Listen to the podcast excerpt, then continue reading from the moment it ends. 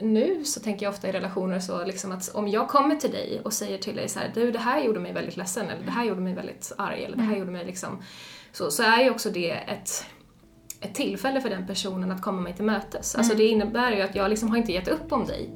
Utan jag tror ju att vi fortfarande kan mötas, det är därför jag säger det här. Jag menar, hade jag inget hopp om dig då hade jag ju struntat i dig och gått åt ett annat håll liksom. Exvangeliet.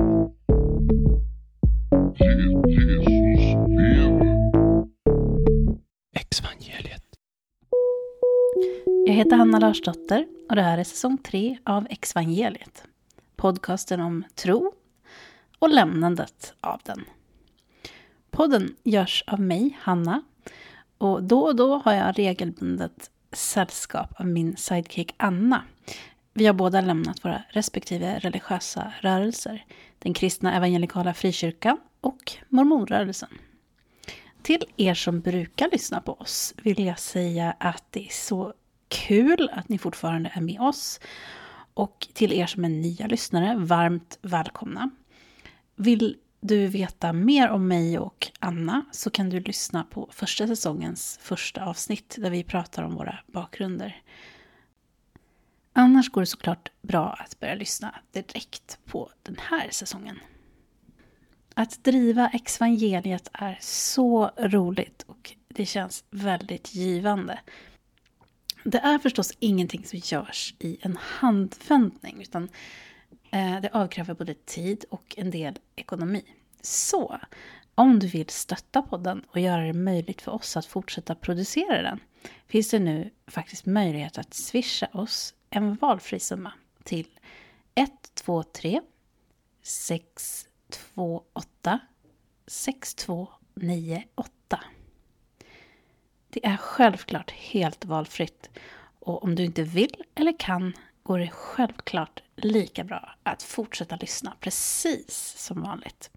Du kan också hjälpa oss genom att skriva en recension på någon av våra plattformar eller klicka på någon femstjärnig knapp där man kan göra sånt. Vi vill gärna att så många som möjligt ska få ta del av podden.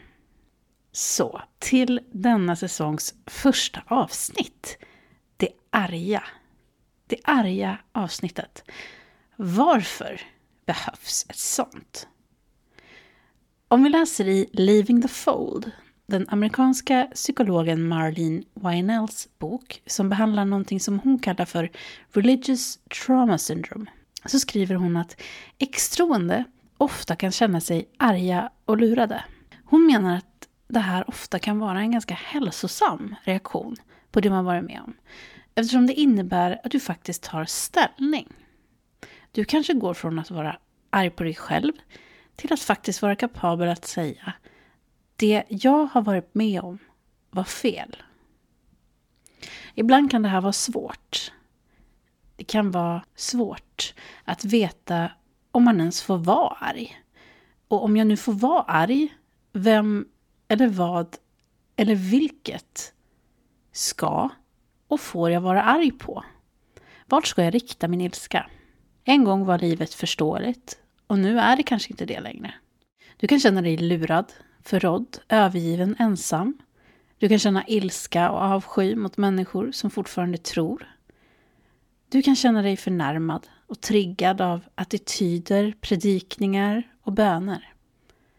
Det kan vara jobbigt att känna att vänner och eller familj avvisar dig eller inte tar dig på allvar. Kanske tycker de till och med synd om dig. Eller sig själva. Winell menar i sin bok att det är viktigt att inte trycka undan de här känslorna och bara vara förlåtande, som du förmodligen har lärt dig att du ska vara. Det kan vara mer produktivt och konstruktivt att acceptera och försöka förstå din ilska på ett medvetet sätt. Det handlar inte om att skylla på andra. Det handlar om att du ska kunna gå vidare i livet. Och för att kunna göra det måste vi göra två saker. Försök skilja på dina egna erfarenheter och vad människor har gjort mot dig. Helt enkelt, för det första, validera dig själv och det du upplever att du varit med om. För det andra, det är okej att uttrycka besvikelse och ilska gentemot situationer och sammanhang och ideologier utan att det behöver gå till personangrepp. Vi som själva har varit troende, vi vet ju att det är helt vanliga människor inom de här rörelserna. Vi har själv varit de människorna. Och de flesta av dem har säkert gjort sitt allra bästa. Och många handlar i kärlek. Trots det kan man bli både sårad, ledsen och arg. Och det är helt okej. Okay. Jag och Anna bestämde att nu är det dags för oss att vara arga. Så varför inte göra det offentligt så att alla får höra? Här kommer de arga avsnitten. Varsågoda. Exvangeliet. Hej, hej, hej! Jag är Hanna Larsdotter och med mig idag har jag Anna. Hej. Hej Anna. Hej. För er som inte har lyssnat tidigare är jag Hanna, ex-evangelikal mm. kan man säga. Jag är alltså uppväxt i pingst och trosrörelsen, eller i den evangelikala kyrkan. Och lämnade den för ungefär tio år sedan. Mm. Och eh, Anna, vad har du för bakgrund? Ja, jag är uppvuxen i en mormonförsamling. Um, ja, och lämnade det för dryga fem år sedan. Mm. Och ja, kallar mig numera ateist. Mm. Och det gäller ju även mig. Ja. Och vi går alltså in på vår tredje säsong av Exvangeliet. Mm. Hur känns det, Anna? Mm. Ja. Spännande, ja. ska man säga då. Ja. Nej men det blir fint. Det var mycket fina planer, ska jag säga. Ja, ja det har varit jättespännande. Alltså just de ämnena vi har tagit upp och, och sådär. Och nu har vi ju um, känt att det är dags för oss att få vara riktigt jävla förbannade. Ja. Det här är det arga avsnittet. Precis. Och det kommer vi tillåta oss själva att vara idag. Ja. För att eh, vi tycker att även om man ska visa respekt för varandra och förståelse för varandra och visa olika perspektiv så känner vi att just det här att få vara arg på eh, situationer, sammanhang, personer kanske eh, och sånt som man har varit med om kanske då för oss inom kyrkan, inom religion, mm. att det är viktigt att få uttrycka ilska. Mm. För att använda det kanske som en, liksom i sin process att kunna få bearbeta saker man har varit med om. Mm. Eh, och att kunna få gå vidare i livet. Vad vi kan, jag och vi och eh, några som jag har pratat med som har liknande bakgrund har upptäckt är just att det kan vara väldigt svårt att veta vem man ska vara arg på mm. ja. i sådana här sammanhang. Eh, eftersom man kanske inte är arg på en specifik person om man inte har varit med om ett övergrepp till exempel. Mm. Man kanske är mer arg på en situation och mer så övergripande saker man har varit med om. Ja. Alltså situationer i hur man, eller hur man har kanske upplevt sin uppväxt eller sin ungdomstid eller sådana saker. Mm. Eh, men vi ska försöka pinpointa lite vad, vad, vad vi faktiskt känner att vi är arga på. Ja. Um, vad tänker du Anna när jag säger så här? Ja, precis. Nej, men det du säger att det... Ofta så är det ju kanske inte en specifik person. Alltså, det, det förekommer ju verkligen olika övergrepp inom religiösa rörelser. Och då kanske man har en mer tydlig person. Men ibland, alltså ofta så är det ju liksom, som du säger, övergripande system liksom, eller strukturer som upprätthålls av liksom alla mer eller mindre. Liksom, jag tänker på det liksom, i en sekt till exempel då, så det kan ju vara så att det finns liksom en karismatisk ledare som är liksom roten till allting, men liksom i rörelsen som jag kommer ifrån till exempel, som jag har kallat för en urvattnad sekt, liksom, för vi hade ju en sån karismatisk ledare, men han levde för 200 år sedan. Och ändå så har det här systemet på något sätt upprätthållits under 200 år och liksom som mormonkyrkan som jag växte upp i på liksom 90-talet eh, i Sverige här, den är ju liksom det fanns ju inte en stark ledare som liksom med järnhand höll kontroll över oss.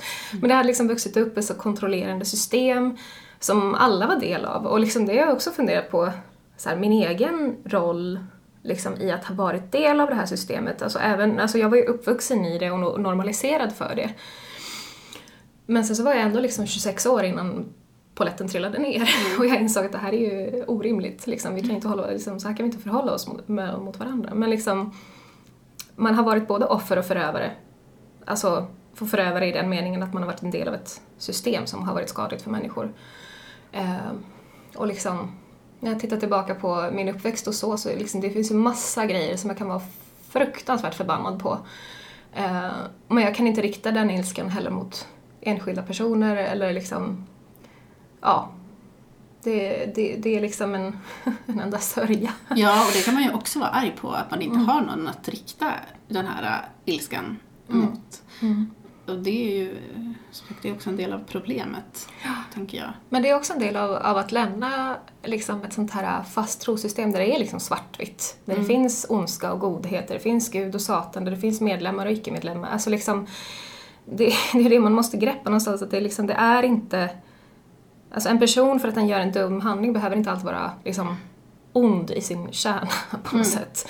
Eh, utan ofta, alltså de flesta förövare eh, som gör olika brott, de har ju liksom sin resonemangsvärld där det liksom går ihop och ja, där det är rimligt liksom. Och därför tycker jag att det är jätteviktigt att få vara arg. När- För att liksom ilska är för mig liksom när det uppkommer som en naturlig reaktion på när någon har gått över min gräns. Om jag inte får vara i kontakt med vart jag har min gräns, liksom, då bara är man bara öppen för att liksom bli trampad på av alla de här personerna som går runt och tycker att de är fullständigt rimliga i att vara orimliga. Ehm, och liksom framförallt så här från liksom kristna miljöer och sånt där man pratar om där vända andra kinden till och liksom man inte ska brusa upp och man ska gå den extra milen och liksom det är väl ett väldigt vanligt problem med liksom folk som har vuxit upp i kristna miljöer, att de inte har kontakt med sin ilska och sina gränser. Liksom, utan man är eh, alldeles för tillåtande mot personer som beter sig illa, helt enkelt. Men kommer vi liksom att förkroppsliga den arga ateisten idag då? Ja. Vi, vi blir den uppfyllelsen av den eh, stereotypa bilden av en ateist. Mm, eller hur? Vi får ta på oss det idag. För att eh, det spelar ingen roll om Nej. vi kallar oss för ateister eller om du eh, som lyssnar på det här kanske inte kallar dig för ateist men ändå har varit med om såna här saker i, din, i ditt möte med, med en religiös eh, miljö. Eller en annan typ av miljö. Men vi fokuserar ju mycket på, på det religiösa här ändå. För det är det vi känner till. Eh, även du som, som inte är en arg ateist så kanske du faktiskt är en fucking arg avhoppare eller bara liksom fortfarande är kristen men har dåliga erfarenheter av vissa miljöer. Och det är helt okej att vara arg. Eh, vi vill, vi vill eh, att du ska känna dig varmt välkommen till det här arga avsnittet. Exvangeliet. Ja, nu ska vi sätta igång och skälla här. Ja. Eh, vad ska vi börja med, Anna? Hur ska vi lägga upp detta? Ska du börja? Ta upp en punkt. Mm. Eh, ja, vi gjorde ett avsnitt du och jag i säsong ett. Eh, där vi tog upp det här med vill du vara god eller hel? Mm. Ehm, det avsnittet heter Ondskan och godheten, tror jag, ifall någon vill gå tillbaka och lyssna på det. Jag tror det var vårt femte eller sjätte avsnitt någonting. Eh, nej, men vi pratade just om det här, vill du vara god eller vill du vara hel? Mm. Alltså, ja, och som jag sa där då, liksom att kristendom för mig blev liksom ett, eh, en självstympande ideologi när jag inte fick vara arg, känna sorg, smärta. Alla de där liksom svåra känslorna skulle man liksom frälsa bort med Kristus. Eh, och det skulle liksom inte vara, alltså det är ju det man, det är liksom glädjebudskapet, kärleksbudskapet, man ska vara, det ska vara ljust och fint och positivt och liksom livet ska bli fantastiskt och vi ska till himlen. liksom. Och det blir liksom, för mig så, så blir inte det ett helt liv. Liksom. Alltså, och jag förstår att kristendom kan, bli, kan vara en jättefin grej för personer som liksom på något sätt hittar hur de ska ta fram de här positiva sidorna i sitt liv och bygga sitt liv utif- utifrån det på något sätt. Eh, ja men som jag sa, för mig blev det liksom självstympande. Det blev liksom ett, eh, ett förnekande av, av en stor del av mig själv som jag liksom har behövt komma i kontakt med nu efteråt.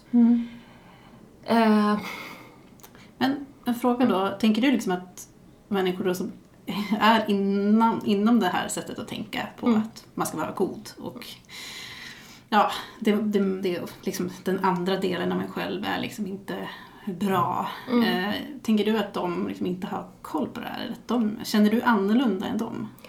Alltså, jag är ju fortfarande liksom absolut vill att världen ska vara trevlig att leva i för människor. Liksom, det är inte så att jag tycker att folk ska gå runt och slåss, eller liksom, alltså, ta ut sina, liksom, eh, sitt mörker på andra människor. Alltså, det handlar inte om det, utan snarare liksom att Ja, som vi sa i vårt avsnitt där också med eh, när vi kommenterade på Unorthodox, när påven hade kallat oss syndare som vi fladdermöss. Eh, Liksom, för mig, att få vara en hel människa, det är att jag får känna ilska, sorg, smärta och jag får lära mig hantera det. Att jag inte flyr det och stänger bort det och frälser bort det liksom. Och inte, alltså så här, om, om någon gör mig illa på något sätt eh, så måste jag få liksom sätta ner foten och bara du, här gick du över min gräns och du måste du respektera. Liksom, annars kan inte jag ha dig i mitt liv för att du gör mig illa. Liksom. Ehm, det betyder inte att jag liksom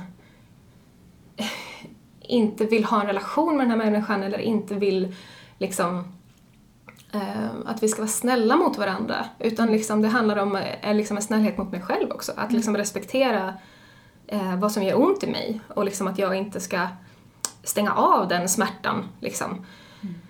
Hon säger så här, vänd den andra kinden till. Sen när någon har slagit dig, bara, men vad fan. Alltså, så här, om någon har slagit mig, då, säger- då, liksom, då säger jag stopp. Liksom. Jag tänker inte vända någon annan, andra kind till. Alltså, det, är bara, det är bara respektlöst mot mig själv, känner jag.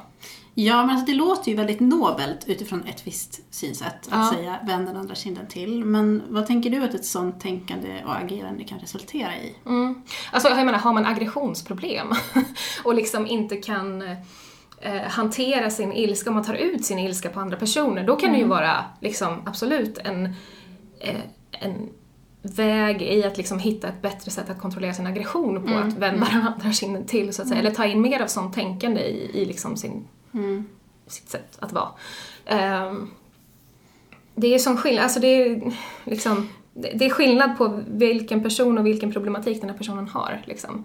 Ska vi sammanfatta den här arga punkten med vi är arga på den goda kristna? Alltså men det blir ju också ensidigt att säga så. Mm. Alltså för att det är väl jättefint liksom, ifall en person liksom bidrar till godhet i världen, det vill jag också göra. Mm. Eh, men liksom en, okej, en stereotyp bild liksom, av en person som bara går runt och är snäll och vänder andra kinden till, Mm. bara låter alla köra över den. Liksom, det är, jag tycker inte det är ett konstruktivt sätt att forma mitt liv i alla fall. Det vi skulle kunna gå in på då, det är ju faktiskt att den här snällheten som man kan uppmuntras att ha också kan resultera i till exempel att eh, ehm, till, i det här förlåtelse, liksom, handlar om, när det handlar om förlåtelse, alltså till exempel ett övergrepp som, som eh, någon blir utsatt för kan bli förminskat eller liksom att förövaren går fri och offret måste liksom förlåta på något Ja. sätt. Att det finns en sån eh, du ska kunna förlåta den som har gjort dig illa. Och det ska eh, gå, gärna gå snabbt. Ja. Liksom. Precis, victim blaming. Liksom. Mm. Skyll på offret. Alltså att det, om, om, om vi har en händelse som- som ett övergrepp, ett offer och en förövare, Mm. och liksom att det blir eh, mera krav på offret att uppvisa förlåtelse Mm. än det blir på förövaren att liksom ändra sig och Mm. liksom, jag vet inte vad de säger, göra av. Ja, precis. Det, alltså det har jag sett väldigt mycket exempel på i mormonkyrkan Mm. liksom, och folk som har lämnat mormonkyrkan, att det är väldigt stora problem där för att det liksom är i strukturen att liksom Mm. eh, ledare som gör, eh, begår övergrepp på olika sätt ehm, ska förlåtas snarare än liksom avsättas.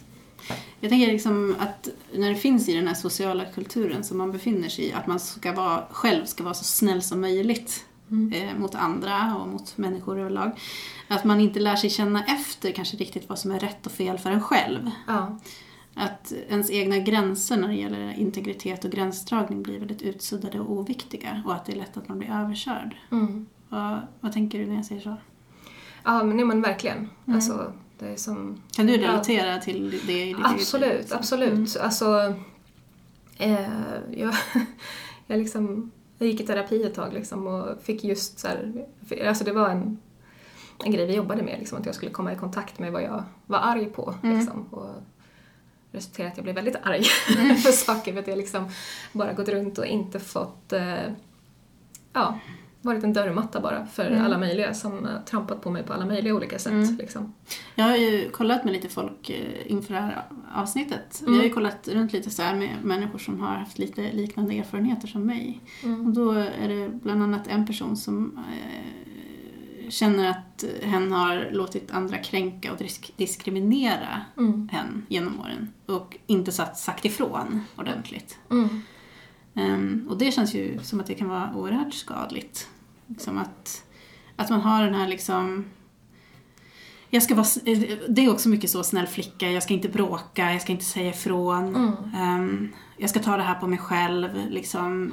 Jag ska inte vara, skapa konflikt, utan eh, liksom hålla mig, hålla mig lite low. Men även inför varandra, alltså som kristna, tänker jag att det var mycket så att man kanske inte ska liksom, vi ska hålla ihop på något Mm. sätt. Eh, och inte snacka ner varandra. Ja, och där blir det ju verkligen, alltså det har jag upplevt mycket, liksom att om man är då en sån person som säger ifrån så blir man också utmobbad. Mm. Det är också vanligt tema liksom, i kristna grupper, tror jag. Liksom att om man blir den här arga feministen eller arga Mm. ateisten eller arga eh, surtanten, liksom, eller det finns ju alla möjliga liksom, sådana.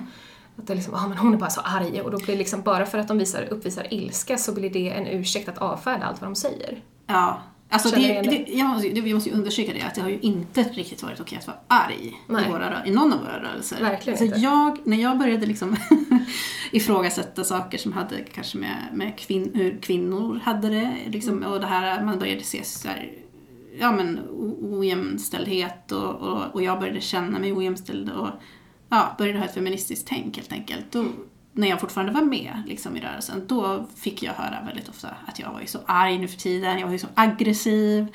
Eh, liksom, du var så snäll och gullig förut, nu är du så himla arg på allting. Mm. Och liksom, det sågs inte som någonting positivt, det såg inte som någonting trosstärkande. Nej, och det sågs inte liksom, uppbyggligt. Inte uppbyggligt och det var liksom inte okej. Alltså jag upplevde inte att jag fick vara arg på saker. Det var jättesvårt liksom.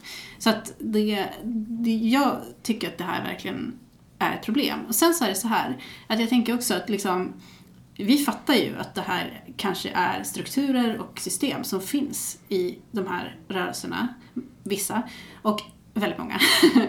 och att det behöver inte vara att människor absolut så här tänker vi ska utmobba den här människan för den är arg. Eller liksom visa de här känslorna eller är, är jobbig. Liksom. Men det kan hända ändå. Alltså det kan hända i det system och i det tankesättet som man har. Om alla ska vara snälla mot varandra och någon är arg. Alltså det bryter ju av på ett sätt. Och det kanske bra att liksom fundera på det här eh, inom de här rörelserna. Inom, och man får väl ta till sig, liksom, man får, om man känner sig träffad får man väl känna sig träffad. Alltså jag upplever att det här fanns i min rörelse och du upplever att det fanns i din. Och vi är två personer med våra erfarenheter och upplevelser. Men vi måste också få uttrycka det liksom. Exvangeliet. Jag letar fram här en gammal eh, eh, chattkonversation. Eh, jag hade varit medlem i en, eh, eh, en grupp för mormoner där vi skulle liksom prata trostärkande och så. Och så var det någon som hade eh, sagt någonting i en tråd som jag blev väldigt upprörd på och så sa jag ifrån i tråden. Vilket resulterade i att jag blev avstängd från gruppen. Och eh, här var gruppstartarens eh, meddelande till mig. Det du skrev på det här forumet är inte några goda tankar. Eh, gruppen startades för att jag fick... Eh, ja, klipp det där. Klart är att alla, även du, har den fria vilja att vara med i en grupp eller inte. Den här gruppen ska verka för att styrka och dryf, styrka, inte dryfta tri, tvivelaktiga frågeställningar om den sanna läran. Eh, och jag skriver typ ett A4 när jag skäller ut den här personen. Eh, och Ja. ja, alltså, och liksom det var verkligen så. Jag blev avstängd från gruppen för att jag sa ifrån om en sak som jag inte tyckte var okej. Och jag valde väl sen att gå ur den gruppen och så.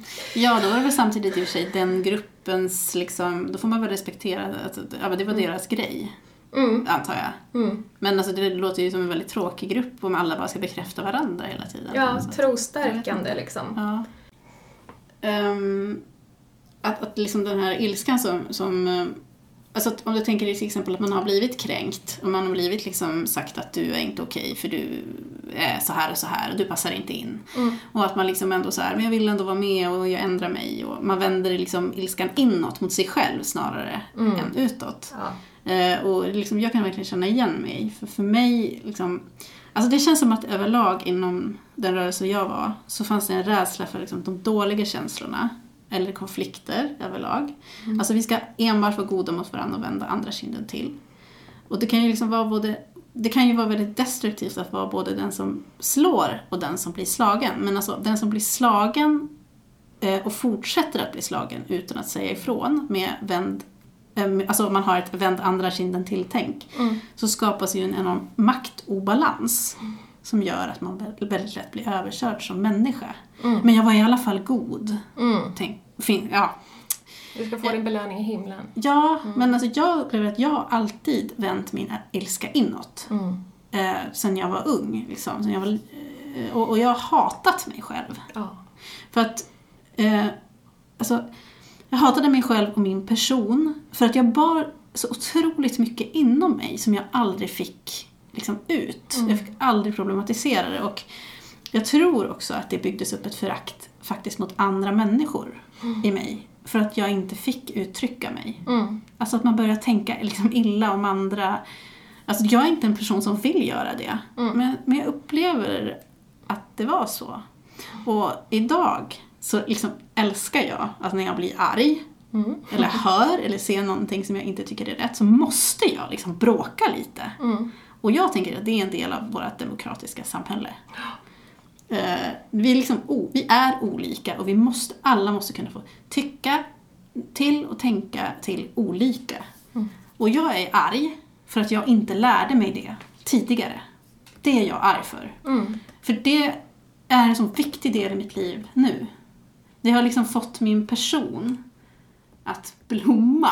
Och blomma låter jättetöntigt. Mm. Men liksom fått växa genom att få liksom uttrycka allt det här. Och även få lägga mig i diskussioner. Eller någon säger någonting som kränker en annan person. Mm. Så kan jag liksom, du det där kändes inte bra. Liksom. Alltså det, det, det hade jag jättesvårt för förut. Eh, och nu kopplar jag det personligen till att jag inte kunde vara mig själv. Liksom. Att jag inte skulle grotta och vara arg och eh, upprörd utan där fick man be om liksom. Mm. Få be för den här personen. Få be kärleken för den här personen som är lite dum. Mm. Eh, Men vad vad fan? Alltså, varför inte vara arg? Varför inte säga ifrån? Ja. Konstruktivt liksom. Ja, och jag har liksom haft en tanke med mig liksom att det är egentligen respektlöst mot förövare också. Alltså för på något sätt, jag, så här, jag vill tro mer om människor än att du ska hålla på och bete dig som en idiot. Liksom. Jag vill tro att du kan förhålla dig till ett, på ett sätt som gör att, att du inte gör människor illa. Liksom. Alltså, så jag vet, det kan vara en väldigt naiv inställning som jag också fått äta upp många gånger. Men eh, alltså, jag tycker att det är respektlöst både mot mig själv och mot en eventuell förövare om jag inte säger ifrån. Alltså för att, jag jag vet inte, jag tycker nu så tänker jag ofta i relationer så liksom att om jag kommer till dig och säger till dig så här, du det här gjorde mig väldigt ledsen eller det här gjorde mig väldigt arg eller det här gjorde mig liksom, så, så är ju också det ett ett tillfälle för den personen att komma mig till mötes. Alltså det innebär ju att jag liksom har inte gett upp om dig. Mm. Utan jag tror ju att vi fortfarande kan mötas, det är därför jag säger det här. Jag menar, hade jag inget hopp om dig, då hade jag ju struntat i dig och gått åt ett annat håll liksom. Så att, eh, Ja, men då, då blir problemet att då tänker man kanske att jag ska ta det här med Gud. Alltså, istället för att säga ifrån. Bara, du, det här är för jävligt. Liksom. Ska du så? jag undrar hur många gånger jag säger så. Men liksom att man ifrågasätter så här direkt liksom. Eller man tar det med den personen. Alltså, eh, att man istället tänker att det här får Gud lösa. Jag går in på min kammare och ber en bön för den här personen. Nu tror inte jag på bön. Eh, att det har en magisk eh, verkan. Eh, jag tror ju att det här får man faktiskt sköta själva och vi, vi som människor måste lära oss att ta ansvar. Liksom, Både för våra egna liksom, reaktion, liksom att känner jag ilska, ja men du behöver inte ställa dig och skälla liksom. Mm. Det är inte det. Du, du ska, du, men du kan ta det med den här personen och faktiskt fråga, hur menar du med det här? Mm. Det här känns inte okej för mig. Det är liksom inget fel att göra det.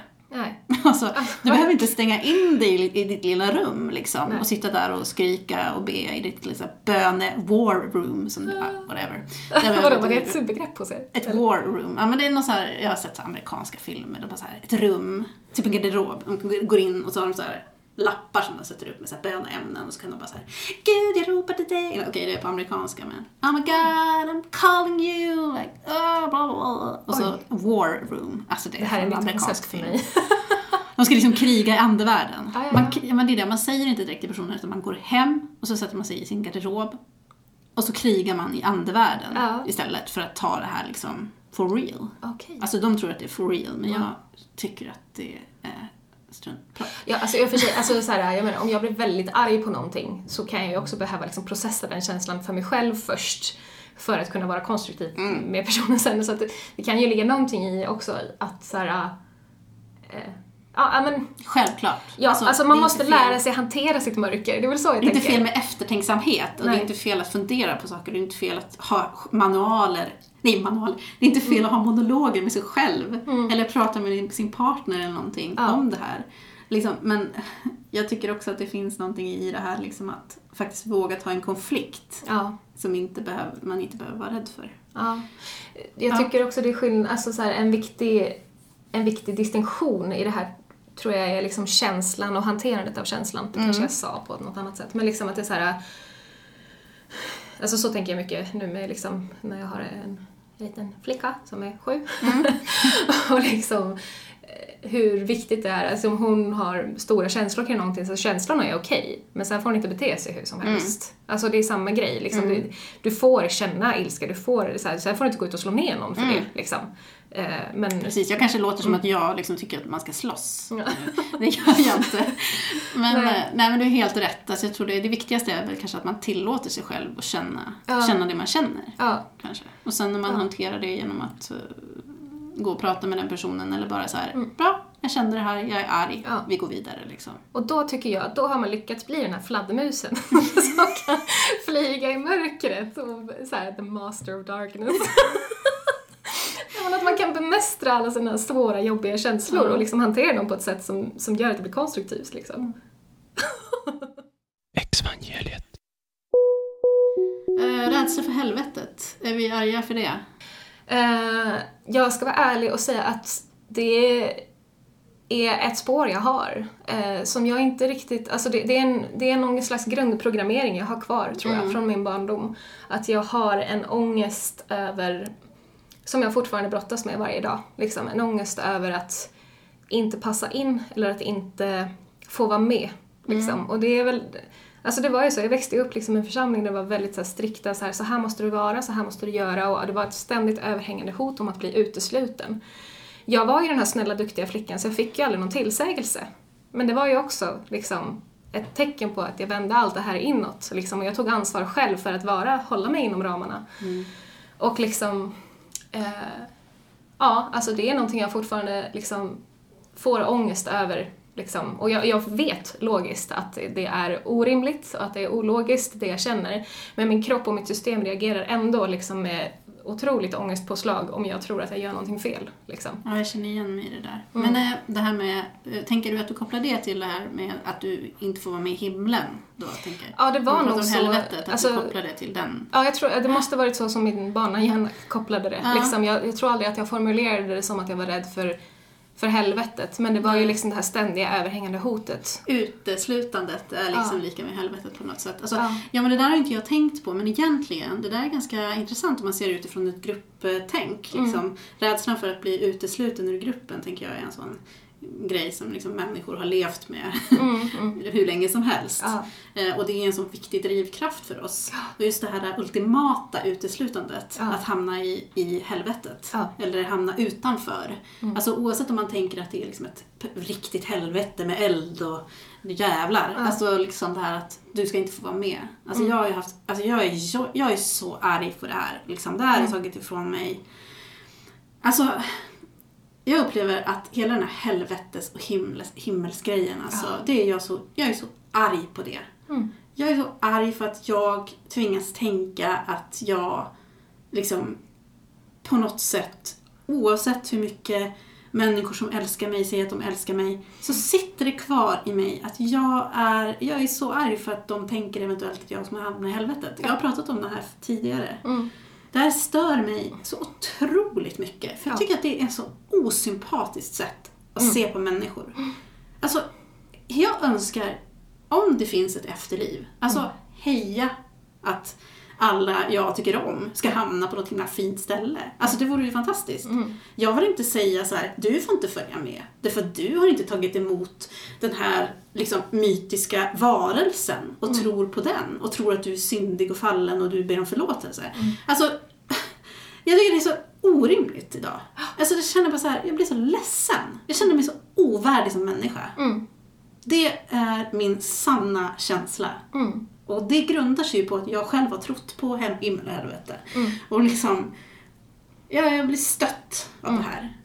Ja, men, det är min känsla. mm. Eh, man kan tycka vad man vill om det. Men jag vill uttrycka det. Mm. För, och det, ja, jag tycker inte det känns bra. Nej, Det Nej alltså jag, jag klarar inte av det. Alltså jag, jag, just nu i min process så står jag inte riktigt ut med att umgås med personer som har en sån inställning. För jag vet, även om de på något sätt har kommit runt det här i sin resonemangsvärld och säger nej men jag älskar dig ändå. Så jag bara, nej, för du tror på riktigt att jag ska till mormonernas yttersta mörker. Exakt. Och jag kan inte med, alltså för, för mig är det en hatisk inställning till mig. Ja, Och med. även om du tror att du är kärleksfull i det här, Mm. så är det hat. För att du tror inte att jag är okej. Mm. Och jag klarar inte av det. Alltså jag, jag kan inte. Liksom. Jag, jag är också så jävligt förbannad på att liksom att jag överhuvudtaget ska behöva navigera runt det med dig hela tiden. Så att jag, jag är bara, nej, jag kan inte, jag kan inte just nu lägga energi på relationer där de på riktigt tror att jag är värd liksom, det yttersta mörkret och helveteseldarna. Liksom. Ja, och samtidigt Nej, finns det någon sån här tanke då om att man ska liksom kunna umgås med de här personerna. Alltså, jag, som sagt, det här är jättekänsligt att prata om. Ja. För att det här, eh, det låter som att man är arg på de här personerna. Ja, lite faktiskt. Alltså Ja. jag kan faktiskt bli arg på personer som sitter och säger nej det här är kärlek och vi älskar dig. Och jag känner bara så här, ja men du tänker att jag kommer hamna här i det här liksom. Eller du tänker i alla fall att det är rimligt att jag ska göra det. Ja. Och alltså då kan jag känna den här, lite, en sida av mig känner så här, ja varför ska jag umgås med dig i den här världen då? Mm. Om du nu tror att jag inte är värdig att umgås med i nästa liv. Ja. Men det är ju såklart otrevligt av mig att tänka så. Mm. Därför att, ja. men alltså förstår du? Och det är det här att man hela tiden så här, men jag förstår att de inte liksom önskar mig till helvetet. Jag förstår att de önskar att jag skulle kunna vara med i himlen. Men bara den här ens tanken, idén, vad har jag gjort för att förtjäna det? Alltså Ja. jag har inte, jag Eller är att liksom de en tror- person. Att de tror, alltså för på riktigt, de säger så här, det är Jesus som dömer. Men det är, det är ju de som dömer, det är de som tror att de liksom, det är de som tror om dig att du ska till helvetet. Ja, Så dömandet är ju hos dem. Ja men det är redan, alltså även om jag de... har redan domen över mig. Ja. Det, är det, som, det är det som de inte fattar. Jag Ja. skiter faktiskt helt ärligt om jag hamnar i ett helvete. Jag bryr mig inte om det för jag tror inte på helvetet. Mm. Jag är redan dömd. Därför att jag lever nu. Mm. Alltså jag har mina känslor nu. Jag har mina relationer nu. Du har redan dömt mig. Mm. Alltså det... Jag är ledsen, men det är faktiskt så det är. Ja. Jag, jag, som sagt, för mig är det så här, dör jag så dör jag. Ja. Det är liksom... Men snälla, ha inte sådana tankar om mig nu. Nej. För det är nu jag lever och det är nu jag vill ha mina relationer och det är nu jag vill liksom känna mig älskad för Ja. den jag är. Jag vill inte behöva leva med något himla helvete över mig hela Nej. varje dag liksom. Himla helvete. Himla, himla helvete. Jag, jag har tänkt så mycket på det här liksom med mormonernas jag- himmel. Att det är så här, Fan, det här drar upp så mycket känslor. Ja, ja, alltså. ja. Nej men liksom mormonernas himmel då, liksom. Med den där äh, Josef Smith då, som är grundaren. Bara vad fan, jag har ingen lust att vara i den himlen som han är i. Liksom. Han eh, utnyttjade människor och gifte sig med 14-åringar och liksom fördömde alla andra och hade slavar. Alltså bara nej. I'm sorry, ni kan predika mycket himmel som helst, jag tänker inte vara med i den himlen i alla fall. Jag är hellre i ett helvete i så fall. Alltså på riktigt. Exvangeliet. Yes. Eh, bortskänkande av pengar till mission. Mm. Eh, hur känner du inför det här? Pengar, det har vi pratat lite om förut också, men eh, liksom, alltså den här grejen med mission, jag tror att det är liksom, alltså det här, eh, att vara en skillnad på mission och faktisk hjälp. Alltså jag menar, mission kan ju vara liksom att människor eh, åker ut och hjälper andra människor rent praktiskt och Mm. liksom med sjukvård och undervisning. Sen kan det också betyda den här liksom, eh, vi ska missionera, vi ska berätta om evangeliet. Liksom. Ja. Eh, liksom, och det är ju också en del, har man skänkt mycket pengar till kyrkan, har man lagt väldigt mycket i kollekten och så här, betalat in sitt tionde och, och gjort allt det här så, så kan det ju kännas lite så här, fan vad jag har liksom understött en, någonting som jag liksom inte står för Ja. idag. Ja. Jag vill inte stö- ha stöttat liksom, att folk har fått höra liksom, om du är syndig och du behöver Jesus. Och, Mm. Jag vet inte, vad tänker du kring det här med Ja, nej, alltså som jag, det har jag sagt i flera avsnitt, Ja. alltså, det är inte lite bitter jag är över alla pengar man har skänkt till den här Ja. kyrkan. Ja. Men liksom, och när jag tänkte tillbaka på liksom hur jag gjorde det som yngre. Alltså jag, jag gick verkligen runt i en, alltså i en liten fantasibubbla på något sätt. Där liksom, där jag verkligen trodde på att om jag gav 10% av all min lön så var det liksom rättfärdighet av mig. Alltså det är så här, man ha, hade liksom så uppstolpat så här väldigt tydligt, det är ju liksom så klassiskt för mormoner, liksom, att man har så här ska bocka av på en lista, liksom, så här, saker du ska göra för att du ska vara rättfärdig och för liksom, tionde är en sån grej. Liksom.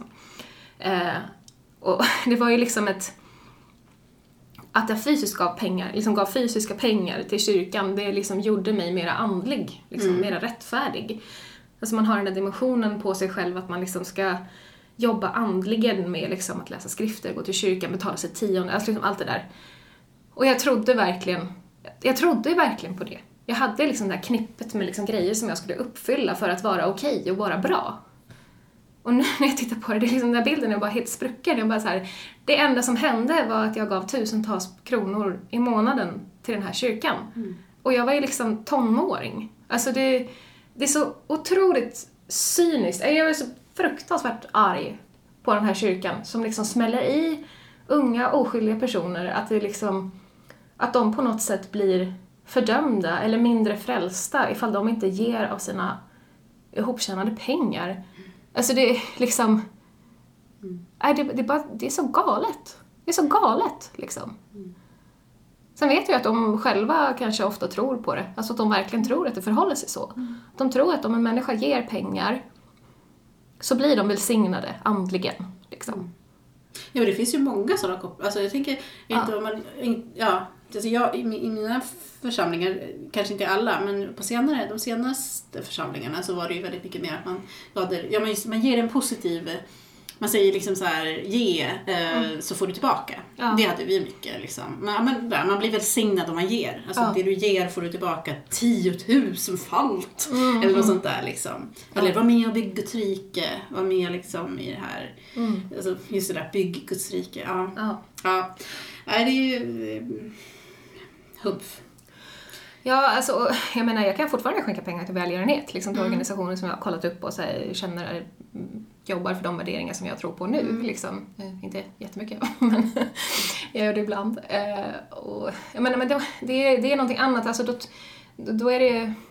Alltså jag förstår hur man kan få ihop det som religiös, att det liksom, man ser på något sätt här verket i världen som ska underlättas då.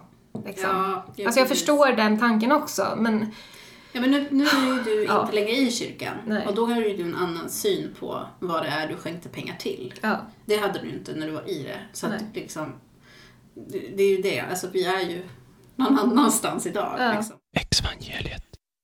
När det gäller sexualitet, eh, förhållande till ens kropp, eh, vägledning eh, kring äktenskapet. Alltså Ja. allt som har liksom med sexualitet, intim relation, äktenskap, allt det här liksom.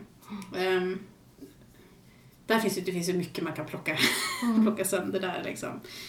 Men det här, jag personligen kan känna mig så liksom, liksom arg på ehm, den här liksom sexualitet, alltså det här att jag liksom inte fick Eh, liksom- känna den här nyfikenheten liksom, som jag hade velat. Liksom i att eh, det bara är spännande liksom att få upptäcka så här, eh, förälskelsekänslor, kanske sexualitet, eh, liksom få gå in i en relation med, med någon och känna liksom, åh vad spännande, vi liksom får utforska det här. Vad är det att vara i en relation? Mm. Liksom, jag levde ju under, alltså från typ tonåren och framåt, jag hade alltid den här liksom moralis- väldigt mycket moraliserande kring vad jag än gjorde. Mm.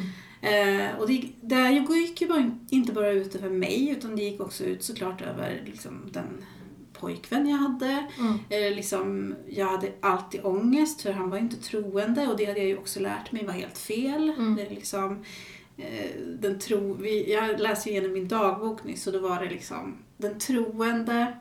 Eh, jag lärde mig att för det första, du ska vara tillsammans med någon som är troende. Eh, och då var det liksom som en bild de ritade upp. Det var en platå och nedanför platån var det vatten. På platån stod den kristna personen, ju Mm. jag då. Eh, och, och i vattnet nedanför står den okristna. Om du tänker att det här är en relation Mm. så är det mycket lättare för den okristna, den ofrälsta, att dra ner den som står uppe på platån, ner i synden. Än vad det är för den som är uppe på platån och dra upp den som är nere i vattnet. Och därför så ska du inte bli tillsammans med någon som är ofrälst, för du kan falla, lättare falla i synd då. Och det där, det, jag har redan ritat upp det, det här, jag tror jag var 13, 12, 13 år. Ja. Att jag har ritat upp det så i min dagbok så här. Det här ska du tänka på. Liksom. Och så skulle vi helst inte bli ihop med någon såklart förrän vi, förrän vi var 16. Och jag menar, Ja, visst, hade också så? Ja, Ja, det blir med. Ja, det var så, det var här var ju en, en vi hade en, typ en typ en så här relations, sex och samlevnadskurs på våran Guds radikala barn, liksom, barngrupp. Alltså, eh, och där lärde vi oss det. Men det var ju massa sådana grejer.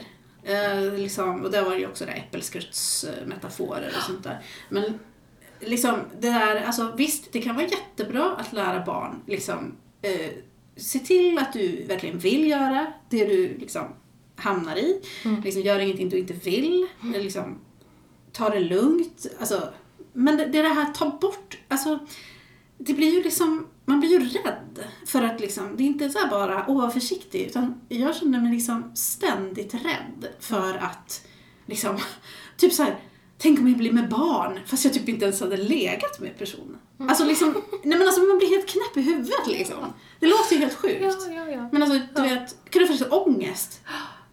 För liksom, det är klart att jag visste, liksom, hade lärt mig hur barn blir till. du vet, det så här. Ändå så kunde min hjärna bara, nej, tänk om jag skulle bli med barn för att jag har typ hånglat med den här personen. Eh, och så, ja men, Ja, så kunde jag gå liksom och så här noja upp mig över det. Alltså, ja. Alltså det är så himla dumt. Det är liksom, jag känner att jag har gått miste om mycket under den där tiden som egentligen, du vet så här, fan. Mm. Det var, jag var i en jättefin relation med en jättefin kille så här, Mm. och liksom det, det, var, det var liksom mycket ångest. Och plus där, du kan inte prata med någon. Mm. Du har ingen att prata med. Eh, därför att det här moraliseras över. Mm. Alltså du vet att pratar du med någon, då kommer du få höra Åh nej, eh, det här var inte bra. Nu ska vi undvika att det här händer igen. Att du liksom hånglar med den där personen. Eller Mm. om man nu mot all förmodan haft- skulle ha haft sex med den personen. Mm. Det var ju liksom, oh my god. Det är ju, men alltså det fanns där, åh nu måste vi stoppa det här. Ja. Du kunde inte heller, du kunde liksom, du kanske bara ville så dela det här med någon. Mm. Ja men, jag mår dåligt för att jag har gjort det här. Mm. Och jag tycker att det känns bra men jag mår jättedåligt för jag vet ju att det är fel. Men jag har ingen, alltså du kunde inte säga det till någon. Det är för att ingen skulle säga så här. Du, vet du vad? Det är helt okej att du känner de här känslorna. Du är normal. Du är tonåring. Du är människa. Liksom. Det, det fanns inte, och det där är jag så arg på. Att det inte fanns eh, för mig någon som jag kunde liksom prata om det här med. Mm. Jag var så jävla ensam. Ja. Eh, ja, Mm. och det, det skyller jag faktiskt på den undervisning jag fick i kyrkan. Mm. Ehm, Ja, Mm. det gör jag för jag tycker det är, är ganska tydligt. Liksom. Ja, jag, ja. jag säger, ja, jag ska inte prata vidare om det. Mm. Nej men eh, alltså verkligen, jag, jag, jag har tänkt mycket på, på senaste det här med att hamna i triggat läge på något sätt. Det är någonting Mm. jag har, jag tror jag har pratat med dig om det också, det med att när man får ett stresspåslag och liksom antingen blir orimlig i sitt resonerande eller man kanske blir hyperaktiv eller så går man in i den här spela död-fasen, liksom, alltså, lite så, eller spela död tillståndet, alltså ja, när hjärnan inte riktigt fungerar som den ska. Mm. Och liksom jag tänker tillbaka på min uppväxt, alltså jag var ganska mycket så konstant i ett sånt där triggat läge och liksom var antingen hyper eller avstängd eller liksom Alltså var otroligt ångestfylld tillvaro och liksom att gå runt och hela tiden passa på sig själv, hela tiden vara rädd för att man skulle göra fel, hela tiden försöka tolka vad alla andra eh, liksom sa eller inte sa och liksom, alltså det var verkligen inte en avslappnad, trygg tillvaro. Liksom. Utan man gick runt och var konstant triggad, stressad och rädd. Liksom. Upplevde jag. Ja precis, jag kan verkligen känna igen mig i det där och det är det jag menar just i det här. Liksom. Mm. Att du, får inte bara liksom, på något sätt vara nyfiken på livet Mm. och liksom undersöka och uppleva. Utan det var hela tiden det här liksom, jag gör rätt, jag gör fel. Ja. Eh, liksom, hur ska jag bli bemött av gruppen? Hur ska jag bli bemött av den personen? Vad ska de tänka om mig? Mm. Liksom, hela, hela, hela tiden. Ja. Nu när jag tänker tillbaka på den tiden, jag har typ förträngt jättemycket saker. Ja. För att det var så mycket förbjudet. Ja. Jag tänkte och gjorde som... Alltså jag var så himla oskuldsfull. Mm. Alltså det var ju så. Man var ju så här... Man ville bara göra rätt. Ja. Och det där liksom, att göra rätt, alltså det är inte någon bra liksom, grogrund för att liksom bli en lycklig människa. ja. Det märker jag ju idag. Alltså jag har fått jobba jättemycket med mig själv. Just det där att våga göra fel. Våga, inte göra fel, men våga låta det bli fel. Mm. Våga låta det bli tokigt. Våga Mm. låta det bli liksom inte som jag tänkte. Um, ifrågasätta vad är moraliskt. Vad är, vad är moraliskt för mig? Är, det, är, sex moraliskt? Mm. Idag tycker inte jag att sex i liksom sin... Som sex, det, det är inte moraliskt för mig Mm. att ha sex med någon. Det kan vara moraliskt liksom runt om. Alltså, Mm. hur hanterar du, hur bemöter du personen? Hur, hur behandlar du personen? Mm. Är det liksom samtycke? Är det sån grej? Mm. Men, men liksom att, där var det bara så här, det här är fel. Mm. Liksom, mina känslor, att jag blir kåt, typ. Ja. Det är fel. Det är liksom skamligt. Ja. Det är liksom, alltså sådana grejer, det, det, alltså det har varit, det tycker jag har varit väldigt så här, väldigt, väldigt skadligt. Ja. Eh, ja, Självstympande. verkligen. Tack för idag. Och vi fortsätter att arga av oss nästa vecka. Då bjuder vi också på våra argmanifest. Så tills dess lämnar jag er med lite olika strategier för att hantera känslor av ilska. Skriv om dem. Gör konst av dem. Spela in dig själv på din mobil. Du kan också tala med någon som är bra på att lyssna. Men uttryck dig på något sätt. För dig själv eller för andra. Det är en bra början. Och exvangeliet är de glada nyheterna för dig som lämnat tron. Vi ses snart. звони, Олет.